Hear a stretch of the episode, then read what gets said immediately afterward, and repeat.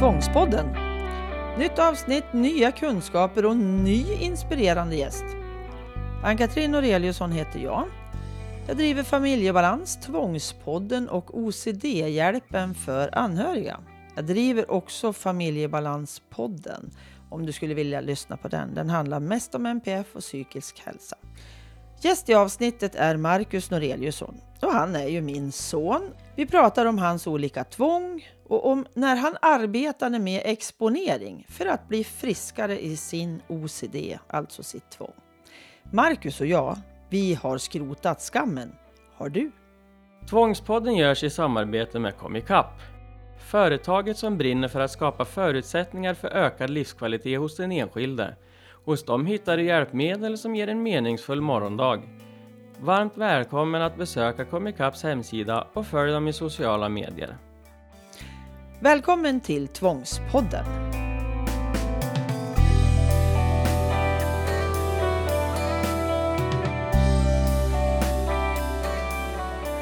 Hej Marcus! Hejsan! Hur är det med dig? Jo, tack. Just för stunden är det ganska bra. Härligt! Mm. Men En du, lugn kväll. en lugn Mm. kväll. Men jag har ju en, en första fråga så där direkt bara när du säger att det är en lugn kväll och att du mår rätt så bra. Mm. När det är så, när du tycker att det är ja, en ganska bra dag, har du inga tvång alls då? Ja, några kan väl slinka in men det brukar vara nu för tiden så är det inte så mycket tvången som påverkar om jag mår bra eller dåligt. Nu är det lite andra saker kan man säga. Ja. Så ditt tvång är ganska lågt just nu? Ja, om man jämför med som det var när det var som värst då för tre år sedan ungefär så är det väldigt bra idag. Mm. 2018 och en bra bit in på 2019 var det ju väldigt jobbigt för dig. Kan du berätta lite om hur det var då? Ja, jo, det börjar väl sommaren 18 kan man säga. Som det började trappades upp och det var väldigt mycket tvång. Jag bodde ju hos er en period då, Mm. hemma hos er för att det var så jobbigt. Jag kunde knappt vara själv och även när jag var med er så var det mycket tvång. Så att fram till hösten sen så var jag inlagd på sluten avdelning här i Hudiksvall Mm. i sammanlagt, ja i fem månader. Först två veckor, sen kom jag ut en kort sväng och så var jag inlagd igen i fem månader. Mm. Så var jag varit utskriven då 2019 den 14 februari tror jag det var, dagen efter min födelsedag. Ja, precis. Så fast jag var, jag var ju fortfarande väldigt sjuk då, men den riktiga vändningen kom väl något ett halvt år, ett år efter, för när jag var utskriven fick jag gå i KBT. Ja, Och så en jättebra terapeut precis. som var min räddning kan man säga. Mm. Det var då det vände och vart bra så småningom. Mm. Tog, tog det lång tid för dig att eh, liksom klicka med honom? Känn, eller kände du liksom första gången yes, det här blir fantastiskt? Nej, det var nog lite svårt först. Just med det här med att nytt folk och sånt kan jag tycka är jobbigt. Och jag Mm. hade ju även den terapeuten ett tag innan jag var inlagd också. Mm. Men så vart det semesteruppehåll och sånt där. Alltså, och så vart jag inlagd sen då. Och det var lite strul. Men när jag kom ut igen då så fick jag komma tillbaka till han.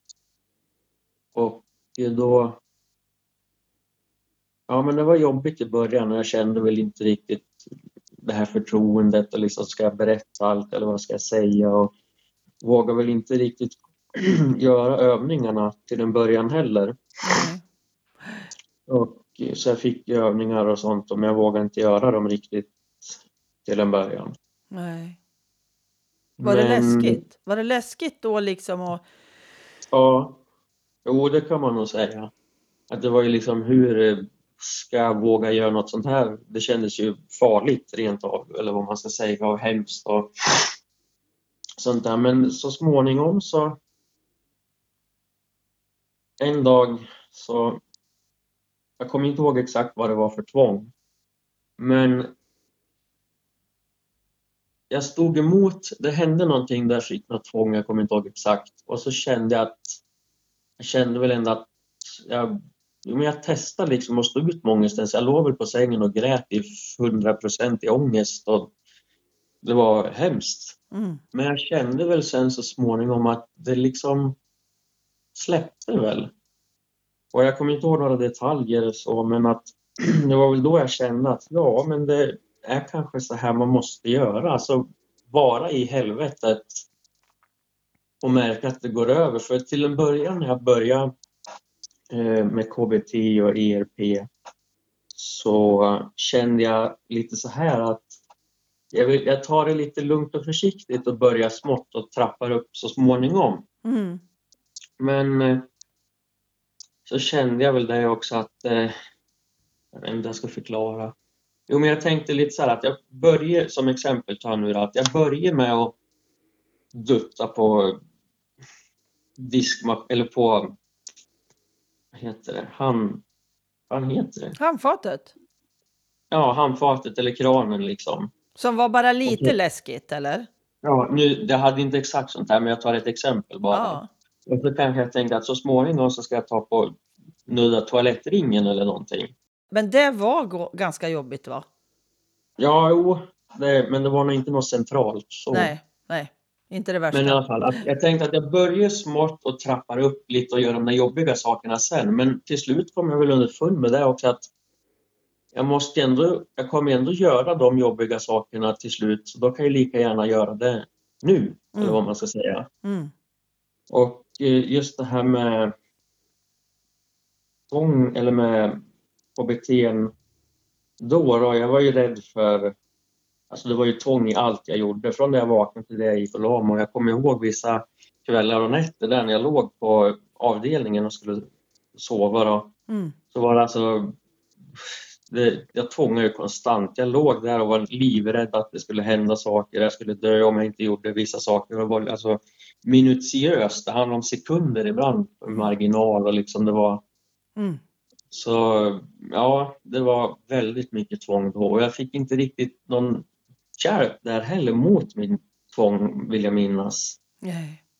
Så att det, mest, det var ju mest förvaring där i fem månader, sen skulle gå ta liv av mig liksom. Ja, men lite så kändes det ju. Så, men som sagt då, när jag väl kom till min terapeut igen och jag, han byggde upp, eller vi byggde upp ett förtroende och sånt där och han Ja, alltså han fick mig att, att våga och det är väl det liksom att man måste våga vara rädd Mm.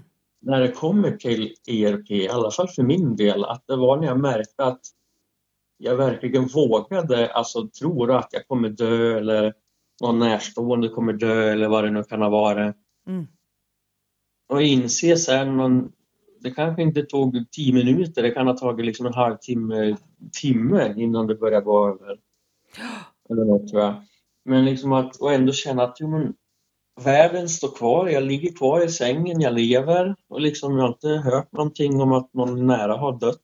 Det hände inget liksom. Nej.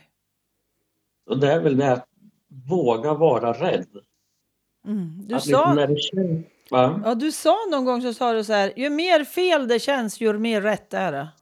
Ja, När du, när du ERPar. att när jag känner att liksom det här känns så fel i hela min känslosystem i kroppen. Det bara skriker varning, varning. Men ändå finna, känna det att jo men då är det rätt. Alltså när det kommer till ERP då. Mm. Mm.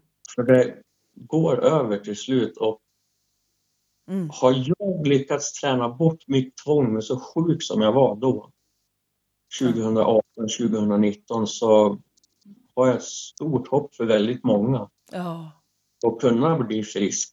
precis. Så känner jag också. Och just det där att inte sträva efter att bli helt fri från tvånget utan lära sig Nej. att hantera det. Ja, för jag har ju fortfarande vissa dagar då tvånget kan vara jobbigt. Mm. Men det är ju ändå, om jag jämför då med nu och då, så är det ju väldigt stor skillnad. Mm. Och likaså har du sagt någon gång också det där att du kom till det där, vad har jag att förlora? Ja. Ska jag ha det så här var- så kommer jag ju ändå att dö, för det är så gräsligt. Jo, men det, liksom. var, det var så till slut. Jag hade sån låg livskvalitet och liksom hoppet på att det skulle bli bättre var nästan helt fimpat liksom. Men så kände jag väl det också att vad är värst egentligen? Har det så här eller att det är som jag tror att det är eller vad man ska säga. Att Ja. jag liksom känner att men jag har ingenting att förlora så jag kan lika gärna bara skita i att tvånga och så kanske det blir bättre och det vart ju. Mm. Men jag säger inte att det är lätt Nej. för någon. Det där är inte, det är ett riktigt jävla helvete, ursäkta Ja, ordvalet. Men, men det är liksom, men det, ja, det är där, alltså, det är där som är det jobbiga med ERP, att det är fruktansvärt jobbigt, men när man vågar så är det också fruktansvärt effektivt. I alla Ja. fall för mig. ja, jo men det är ju enligt forskningen den bästa metoden. Så att eh, det funkade ju. Och just det där att ERP eller KBT är inget man får utan det är något man gör. Ja, precis. Tycker jag Ja, också man- är ett bra uttryck.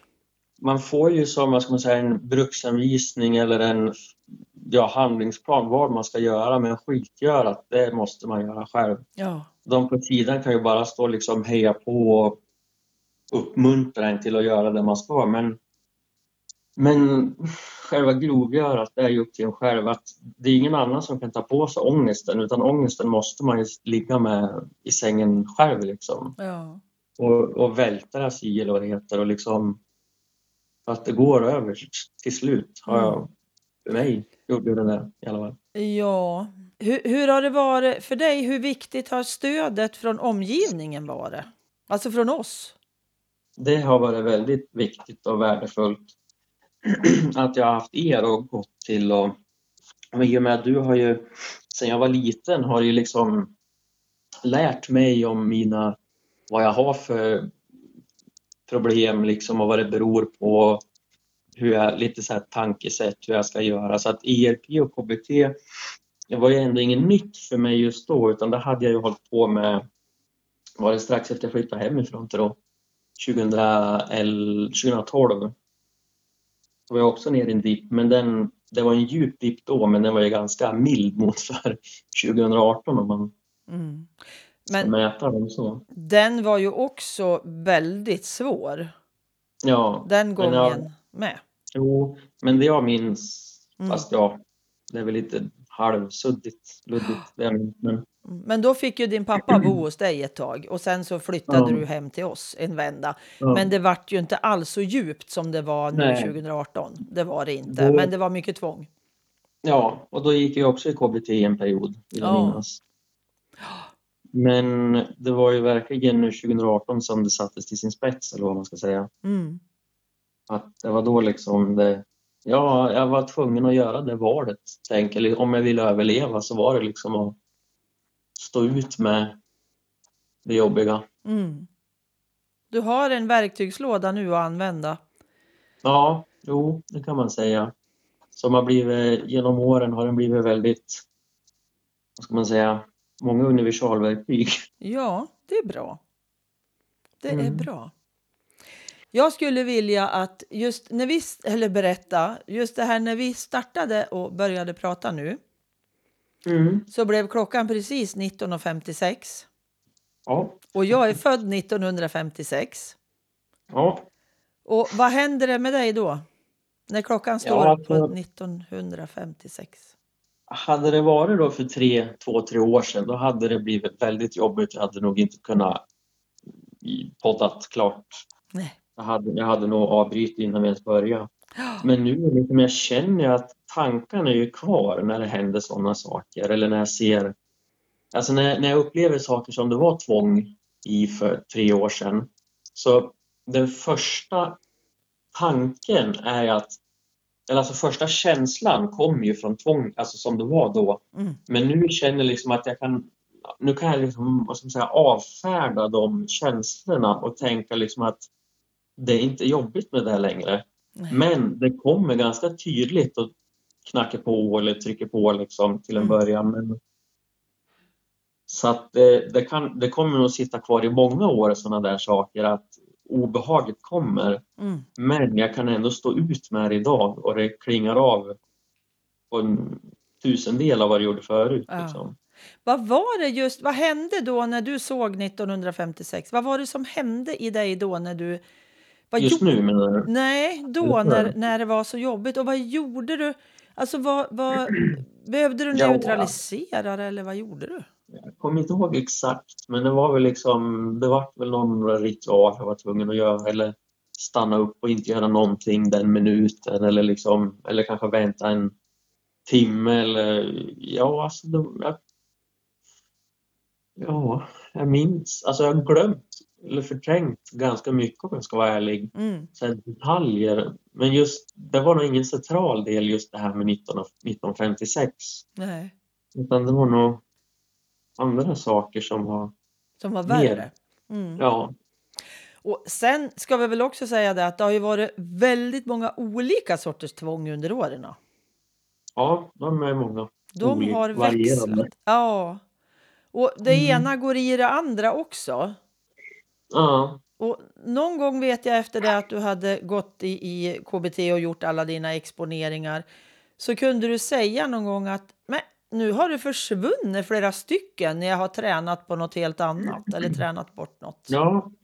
Jo, så kan det vara faktiskt. Att man, man jobb, eller jag jobbade aktivt med vissa tvång, men på, i samma veva så liksom var det kanske några liknande tvång som också följde med i, i den vevan. Liksom. De klingade av. Ja, lite så kan man säga. Mm. Häftigt. Mm. Och det är ju något slags generaliserande. Ja, jo, Att det är liksom, du kunde utan att du ens tänkte på det så följde de med. För att du hade, var det så kanske att du hade stått emot något svårt eller liksom jobbat dig ur något svårt så var det några enklare som försvann. Kunde det vara så? Ja, jag tror man kan säga lite så. Ja. Jag skulle vilja dra något exempel på vad jag hade för tvång, men jag kommer inte på just nu. Men det var... Fast det ska väl tilläggas också att jag hade även en, vad jag tror de kallar gränspsykotiskt tillstånd. Mm. Att det var... Jag hade inte en riktig psykos. Utan jag hade ju, det var ju mycket tankar om ja, mycket konstiga saker. Men jag, jag trodde ju inte riktigt på dem fullt ut. Det var ett visst tvivel. Ja. Men ändå var det så starkt ångesten i det hela så att jag tror att det lutar mer åt tvång. Ja, det vet jag att du har sagt många gånger. Att det var som Mm. att liksom, tvånget nådde en mycket, mycket högre nivå på något vis. Ja, Den vart mycket svårare att stå emot Mm. eller leva med. den kändes mer reell, alla hot eller vad man ska säga. Ja. För då var det Fast ju ändå mycket var- blink, alltså Ja. när det blinkade från reflexer och så var ju jobbiga då. Ja, det var Och mycket ljud. att det var...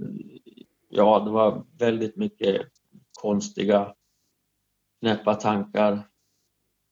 Mm. Men, och, och så var det väl med inbla- mycket tvång inblandat, för jag var ju väldigt tvångsmässigt med.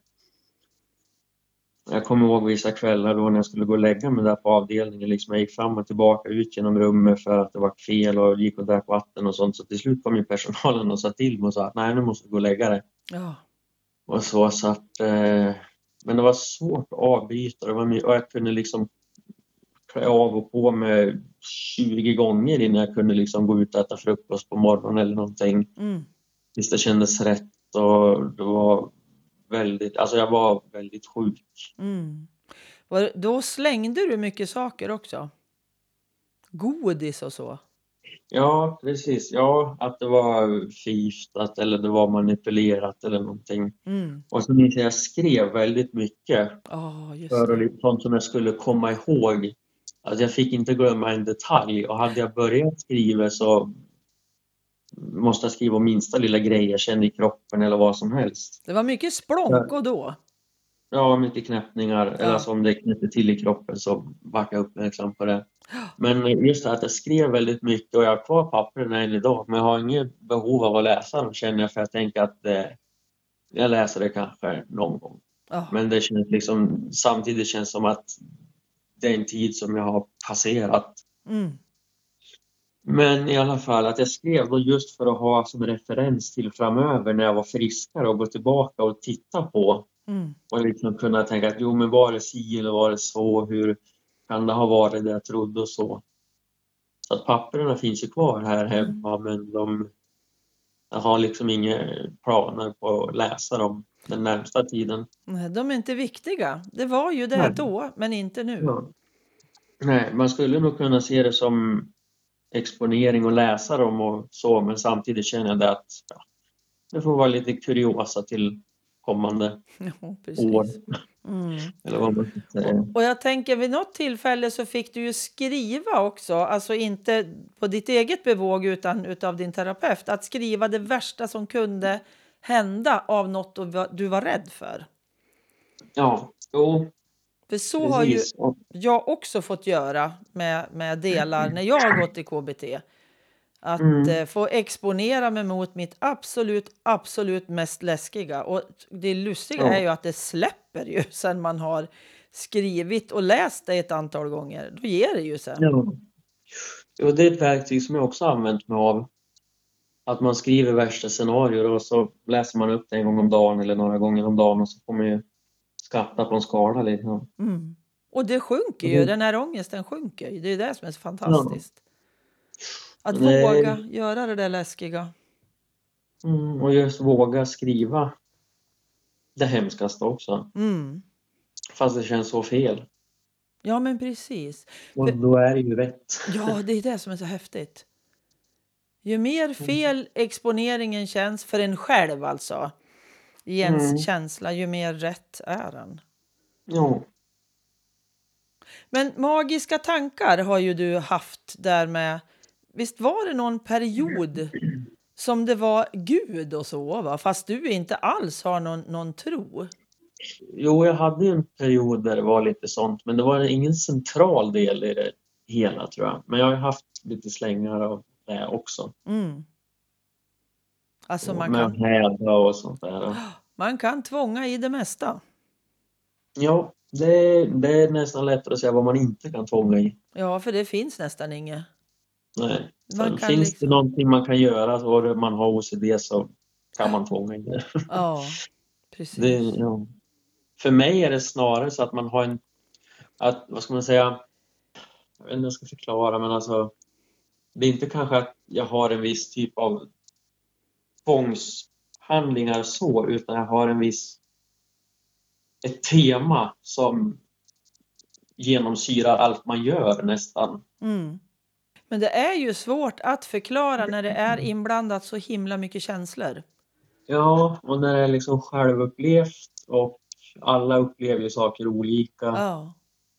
så är det liksom ja, svårt Men det- att...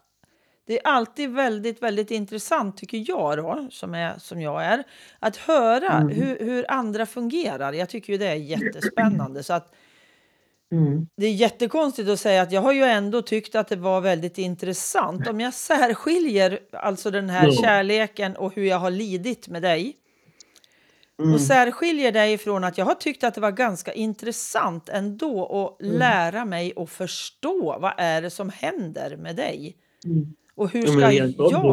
så kan det ju vara så, tänker jag. Liksom. Att det, det är liksom, hjärnan är ju lite lustig ibland. Och väldigt intressant. Det är otroligt Mm. intressant hur vi fungerar. Och just Ja. att, att jag har ju inget tvång. Men Mm. ibland så kan jag nästan känna att jag börjar tvånga för att jag liksom jag har levt med dig så mycket och ditt tvång.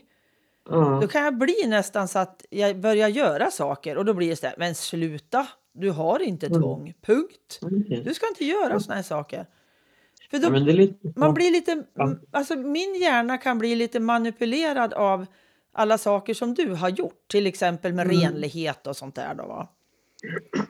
då har jag liksom Ja. alltså smittad med jättestora citationstecken. Det är ingen Mm. smitta överhuvudtaget. Det är ett jättedåligt ord att använda. Men liksom, jag har hängt med i Ja. det du har gjort på något vis, fast jag absolut inte har tvång och inte vill göra det. Och inte har gjort det för att jag ska göra det för att du ska få det, att jag ska hjälpa dig liksom. Det är inte så. Mm. För det har jag ju aldrig gjort. Jag har ju plågat dig våldsamt hela tiden med att inte svara på dina frågor på bästa sätt. Ja, ni har kört KBT och ERP sedan tidigt. Ja, det har vi ju. Fast man ska inte göra det enkomt själv som anhörig.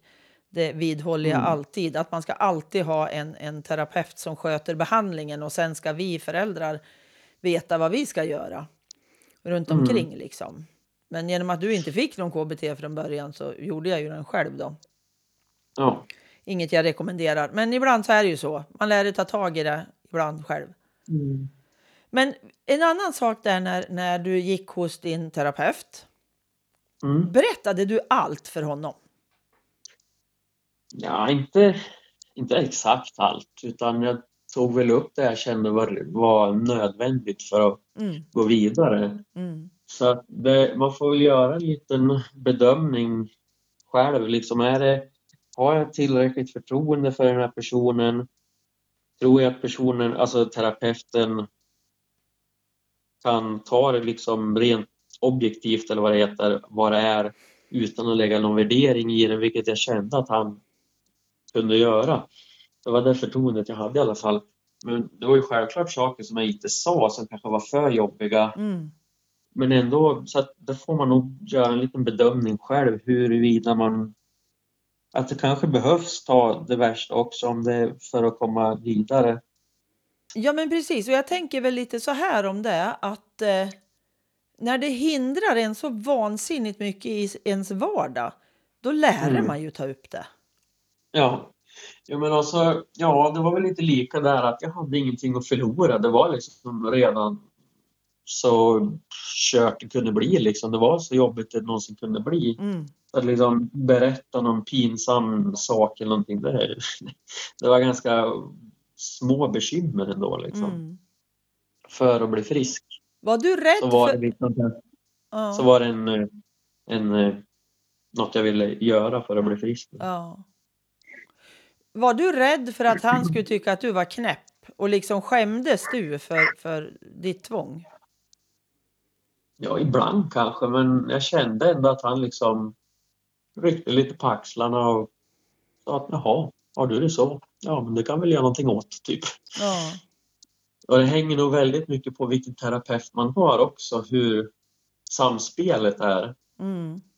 Så, och en viktig sak som han lärde mig och som jag tror jag har fått från dig, från dig också lite, just det här att em, man kan inte veta allt. Nej. Jag var väldigt, hade väldigt kontrollbehov också. Liksom var, när jag såg någon ljusreflex eller vad det var jag tänkte. Mm. Och han lärde mig det liksom att ja, men man kan inte veta allt. Liksom, ja. Är, för det var någon gång när det blinkade till på dataskärmen hans när vi satt där och pratade och så vart det väl lite så här, han såg väl, eller jag frågade väl, åh vad var det och så och så. så ja, kanske var något farligt. Man vet inte allt. Så det är någonting jag har anammat och lever efter att Ja. man kan inte veta allt. Liksom, vad, vad, eh, ja, man kan inte veta allt Nej. som sagt. Nej, kanske, Vissa saker kanske kanske får vara frågetecken. Liksom. Ja, kanske, kanske inte ett väldigt bra uttryck tycker jag när någon börjar tvånga. Ja. Fast man kan inte säga det direkt. Man måste ju ändå veta, den, den som har tvång måste veta varför jag säger så. Man kan inte börja med att ja. dänga saker i huvudet på någon som har tvång Nej, utan att den har ju kunskap. Nej, man måste ju liksom, vad ska man säga, värmas upp Ja. innan. Liksom. Man kan ju inte gå hem och vråla ERP det första man gör innan man vet, vet liksom, innan det kanske känns någorlunda okej eller vad man ska säga. För att, eh, och liksom att någon försöker bara puffa på en ERP kan ju bli helt galet det Mm. också tänker jag. Om man inte är liksom mottaglig själv. Nej. Nej, man lär kanske förstå vitsen med det. Att jag kan ha Ja. ett bättre liv än vad jag har nu. Ja. Och då får man ge sig hän.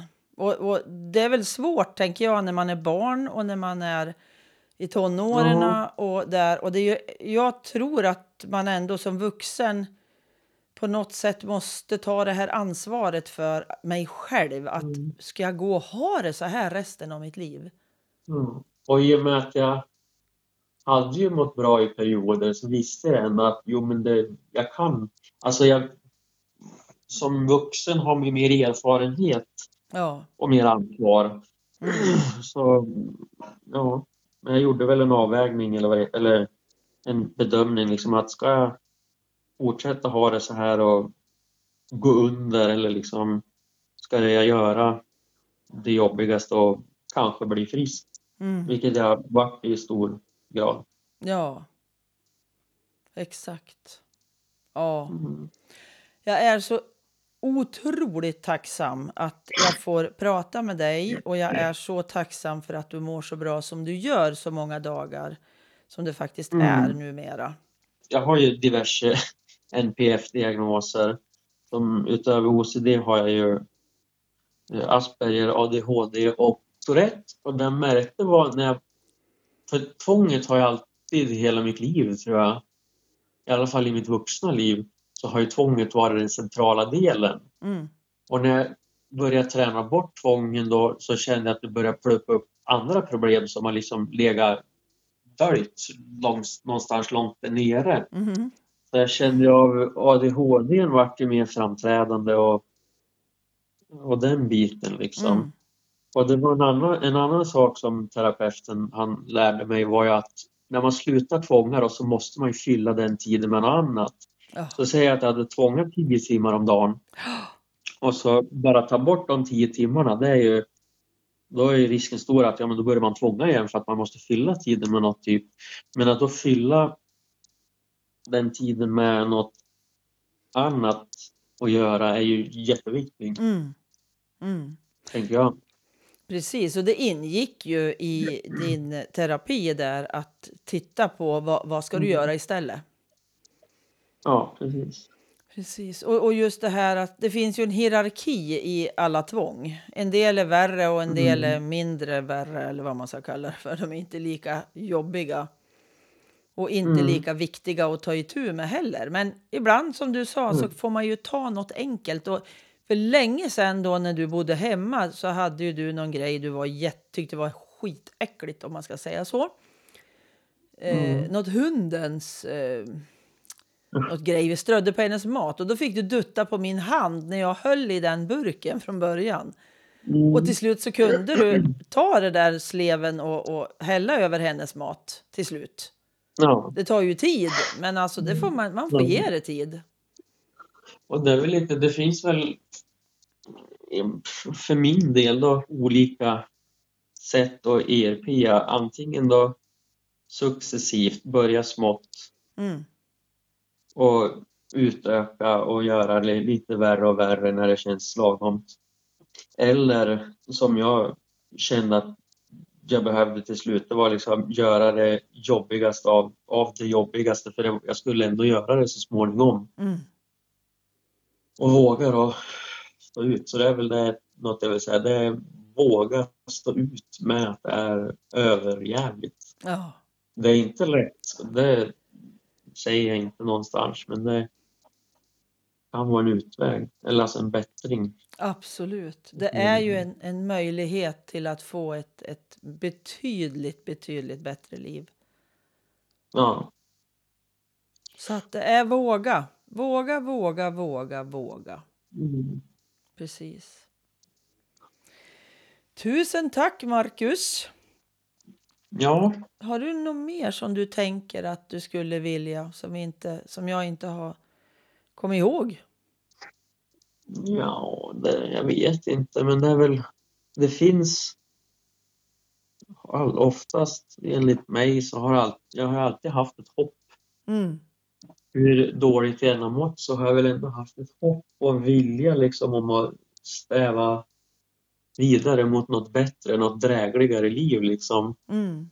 Så att det jag skulle vilja säga är väl liksom att våga vara rädd. Och när det kommer till ERP, oftast om det känns fel så är det oftast rätt.